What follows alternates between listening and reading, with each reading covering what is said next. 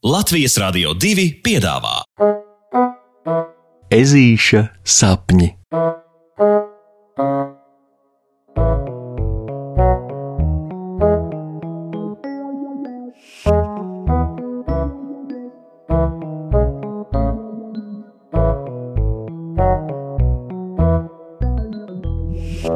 Ezītis Ada Zeķi.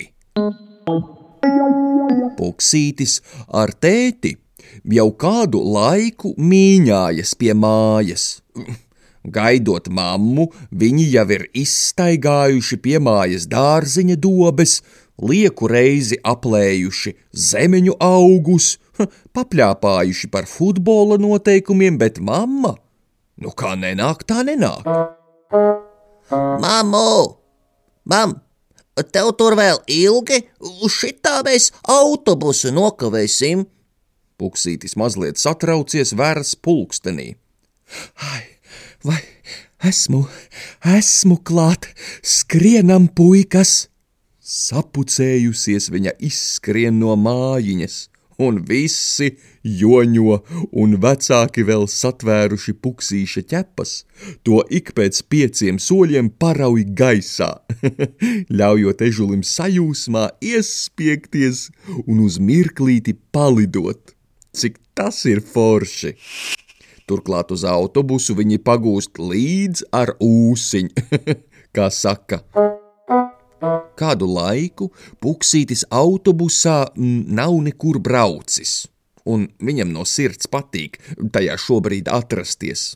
Lai arī autobuss ir stāvgrūdām pilns un viņš sēž atstatus no vecākiem, te ir ko pavērot.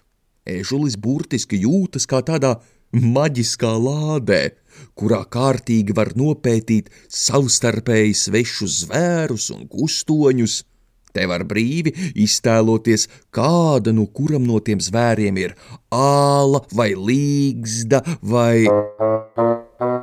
Vai vēlies kādu gardumiņu, jauno ezīti? Puksīša pārdomas pārtrauc ežuļa blakus sēdētāja, stipri sirma un čerkstoša vārna ar ar cauru zeķi uz spārna. Uh, paldies, bet uh, nē, es no svešiniekiem neko neņemu. Ežulis atbild tā, lai arī vecāki viņa prātīgo atbildi dzird, un tad viņai silti pasmaida, ļaujot atplaukt smaidā. Arī vecā vārna tantuka knābim un visu tālāko ceļu abiem kļūt par teju labākajiem draugiem. Ceļa laikā noskaidrojas, ka vārntantiņa no čaklas strādāšanas dārzā ir sastiepusi spārnu, tāpēc ārsts viņai šobrīd ieteicis paņemt atpūtas režīmu un neļauj tai bez liekas vajadzības lidot. Nu, un lai to labāk atcerētos, viņa uz sava spārna ir uzstiepusi kārtīgu cauru veco zeķi, un e, puksītim jāatzīst, ka tas izskatās diezgan amizanti, lai neteiktu dīvaini.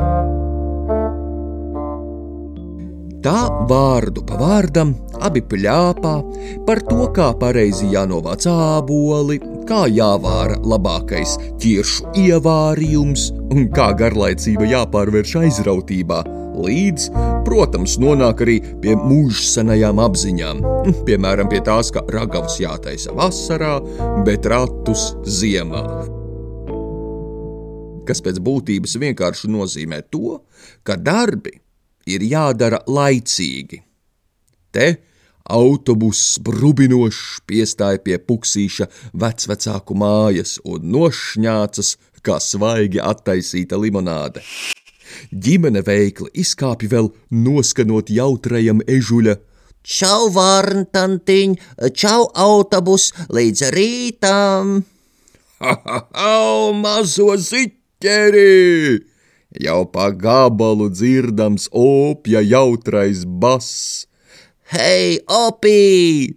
Ežulis ir tik priecīgs viņu atkal satikt, un, protams, arī Omi ar visiem mm, garduma kalniem, kas vecvecāku mājās noteikti jau ir sagatavoti.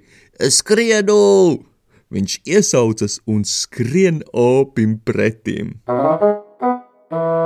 Šodien pie Omcenes un Opapīno ir plānoti dārza svētki. Nu, ir doma iekurināt grīlu, cept burkānu desiņas un zirņu kotletītes hamburgeriem un vēl, un vēl no pērnajiem aboliem izspiest sulu. Lieki teikt, ka viss tiek realizēts līdz pēdējam milimetram un jau pēc kādas stundas, pajādami apaļos puņķukus, pieci eži ir atlaidušies šūpoļtīklā. Klau, Ome, zini, ko es domāju? Es domāju, ka es uh, gribētu iemācīties adīt. Par pārsteigumu pārējiem iesāk puksītis. O, nopietni! Es gribētu vārntantītei uzadīt jaunu zeķi, lai nav viņai caura uz spārna jāvelk. Ežulis turpina un izstāsta vecvecākiem par savu jauko ceļa sarunu biedru autobusā. Un, protams, protams, ka Ome ar prieku ir gatava iemācīt visus savus adīšanas knifus un stiķus – It sevišķi vēl, ja mērķis ir tik cēls. Pret gulētiešanas laiku puksīša paša adītā zeķe ir gatava. Turklāt nevis kaut kādā parastā krāsā, tā ir drīzāk tāds vesels, priecīgu krāsu sprādziens. Jā, laba tā prasme, kas apgūta, un tas darbiņš, kas padarīts. Kur nu vēl tad, ja darbiņš ir tāds, kas nes prieku ne tikai sev, bet arī citiem? Pasakas beigas ar labu nakti, draugi!